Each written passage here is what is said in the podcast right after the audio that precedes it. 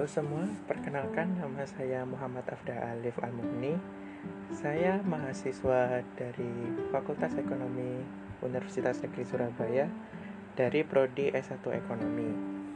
Nah, di sini saya mau menjelaskan tentang 10 bisnis yang lagi tren saat ini. Lalu, salah satu bisnis tersebut akan dikaitkan dengan model bisnis dalam hyper. Nah, sebelum saya sebutkan 10 bisnis yang yang akan saya jadikan contoh, saya akan sedikit menjelaskan tentang model bisnis hyper disruptive. Yang pertama, ada subscription model, yaitu bisnis berlangganan dengan biaya murah dan tanpa batasan. Contohnya seperti Netflix, Kindle, YouTube, dan lain-lain. Yang kedua, free model. Bisnis dengan menjual suatu secara gratis dengan tujuan membentuk komunitas besar dengan jangka panjang. Pemasukannya dari iklan. Contohnya kayak seperti Google, Facebook, Instagram. Yang ketiga, freemium model, yaitu bisnis jasa kualitas premium tapi free. Ada opsi upgrade berbayar. Yang keempat, marketplace model, yaitu menyediakan tempat antara penjual dan pembeli untuk datang ke tempat tersebut. Contohnya seperti Kaskus, Bukalapak, eBay, dan lain-lain. Yang kelima, hypermarket, yaitu pengembangan dari segmen jadi hypermarket. Contohnya seperti Amazon yang dulunya menjual buku saja, sekarang apa saja dan siap untuk diantar. Yang keenam, ada access over ownership model, yaitu bisnis berbagi dalam dunia maya. Cukup punya akses kapan saja, seperti Gojek, Uber, Grab, dan lain-lain. Yang ketujuh, ada on-demand model. Di atas ekonomi berbagi, juga menggunakan teknologi untuk menjangkau konsumen dan membaca pikiran melalui statistik analitik yang bersifat real time. Yang kedelapan, ada experience model, yaitu model yang sangat disruptif, pendekatan eksperiental. Contohnya seperti Disney Park, Tesla, dan Apple.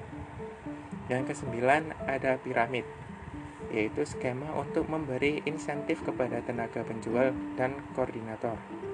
Perusahaan pada puncak piramid penerima kue terbesar, tapi pembagi terbanyak juga. Contohnya seperti proyek atau perusahaan properti.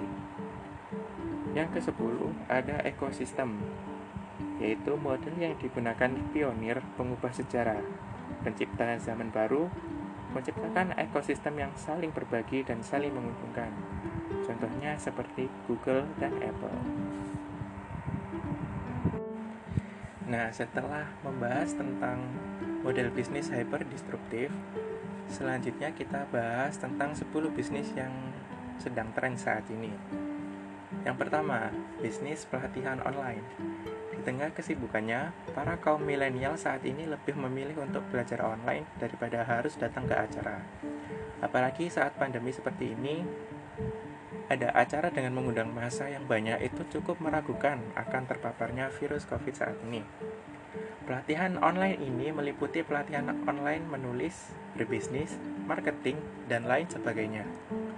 Biasanya, ruang fasilitas online ini menggunakan media sosial seperti webinar. Karena bersifat online, para peserta yang ada di pelatihan tersebut berasal dari berbagai macam daerah di Indonesia, bahkan hingga mancanegara. Yang kedua yakni bisnis PPOP atau Payment Point Online Bank atau yang lebih dikenal dengan PPOP ini merupakan bisnis yang melayani berbagai transaksi virtual. Contohnya seperti isi saldo e-money, membeli token listrik, bayar tagihan, beli voucher game, dan lain sebagainya. Bisnis ini menjadi tren karena tidak memerlukan modal yang cukup besar, Model yang diperlukan cukup memiliki smartphone Android saja. Enaknya, bisnis ini juga bisa dilakukan kapan pun dan di mana pun. Yang ketiga adalah bisnis fashion. Bisnis fashion juga tengah menjadi tren. baik fashion untuk anak-anak, wanita, dan juga pria. Bisnis ini masih sangat diminati. Jika ingin terjun dalam bisnis ini, kita harus tentukan terlebih dahulu di mana target marketnya. Mengingat bisnis fashion ini cukup beragam, kita juga harus selalu harus update terhadap model baju yang saat sedang tren. Dan bisnis fashion ini tentunya akan terus meningkat dan menjadi bisnis yang cukup menjanjikan. Yang keempat ada event organizer.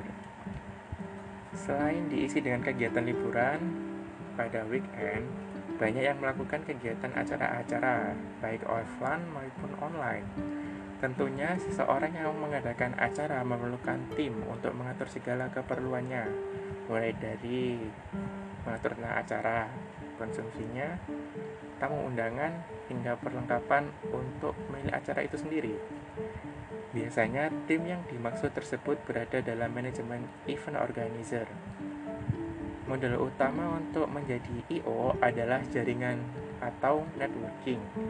Hal tersebut bisa digunakan untuk membantu pemilik acara untuk menemukan vendor-vendor yang terbaik agar acara yang diadakan sesuai dengan impiannya. Yang kelima, ada desain grafis. Bisnis ini adalah jenis bisnis yang mengandalkan kreativitas. Banyak perusahaan ataupun instansi yang memerlukan jasa seorang desain grafis untuk membantu memvisualisasikan produk yang akan diluncurkan. Hasil desain tersebut biasanya digunakan untuk promosi, sehingga bisa menarik calon konsumen untuk membeli produk tersebut. Selain itu, seorang desain grafis juga diperlukan untuk membuat logo ataupun icon dari perusahaan. Apalagi saat ini sudah serba online, sehingga banyak perusahaan atau instansi memerlukan media untuk promosi secara online. Yang keenam, ada daycare kebanyakan kota besar, banyak orang tua yang memiliki kesibukan yang sangat tinggi. Mereka disibukkan dengan pekerjaan mereka sehingga waktu untuk menjaga anak di rumah cukup terbatas. Nah, jika kalian suka dengan anak-anak, usaha ini akan menjadi bisnis yang menyenangkan. Yang ketujuh ada bisnis kuliner. Bisnis kuliner atau makanan menjadi bisnis yang tren saat ini banyak anak-anak muda yang berkreasi dengan makanan. Uniknya, makanan yang menjadi tren adalah perpaduan antara makanan zaman dulu yang dikemas lebih menarik dengan cita rasa yang kekinian. Selain memunculkan makanan jadul, pemberian namanya pun juga unik. Apalagi saat pandemi ini, mulai banyak pula kuliner-kuliner makanan sehat.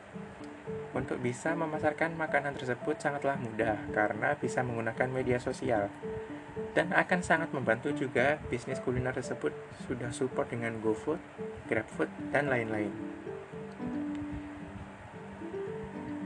Yang ketujuh, ada bisnis coffee shop. Anak muda zaman old hingga zaman now pasti memiliki tempat nongkrong untuk bertemu dengan teman-temannya.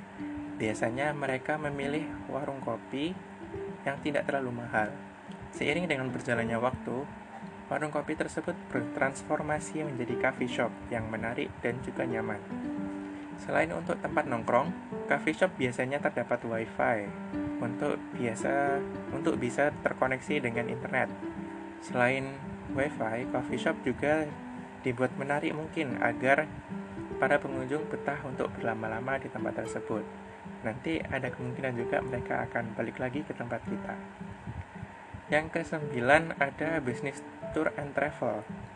Tour and travel saat ini sedang menjadi tren di kalangan anak muda. Untuk membuka bisnis ini tentu harus memiliki jaringan yang cukup kuat, mulai dari tempat penginapan, transportasi, destinasi wisata, dan lain sebagainya.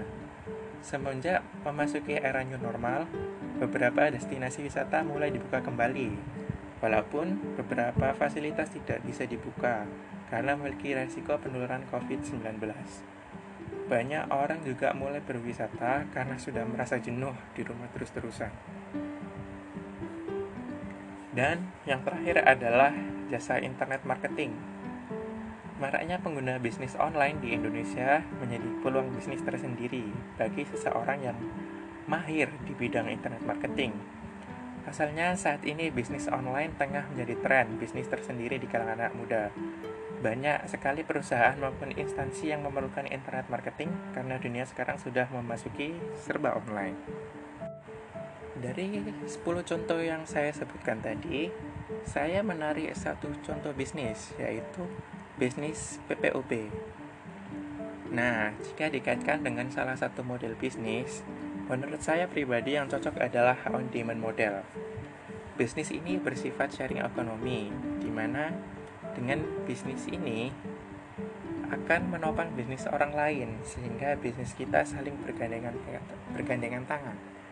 Maksudnya, dengan kita membantu bisnis orang lain, bisnis kita pun juga bisa ikut naik. Nah, selain itu, bisnis ini juga menjangkau konsumen dengan teknologi. Bisnis ini juga selalu mengalami update, di mana maksudnya layanan yang disediakan akan selalu bertambah sesuai dengan kebutuhan konsumen.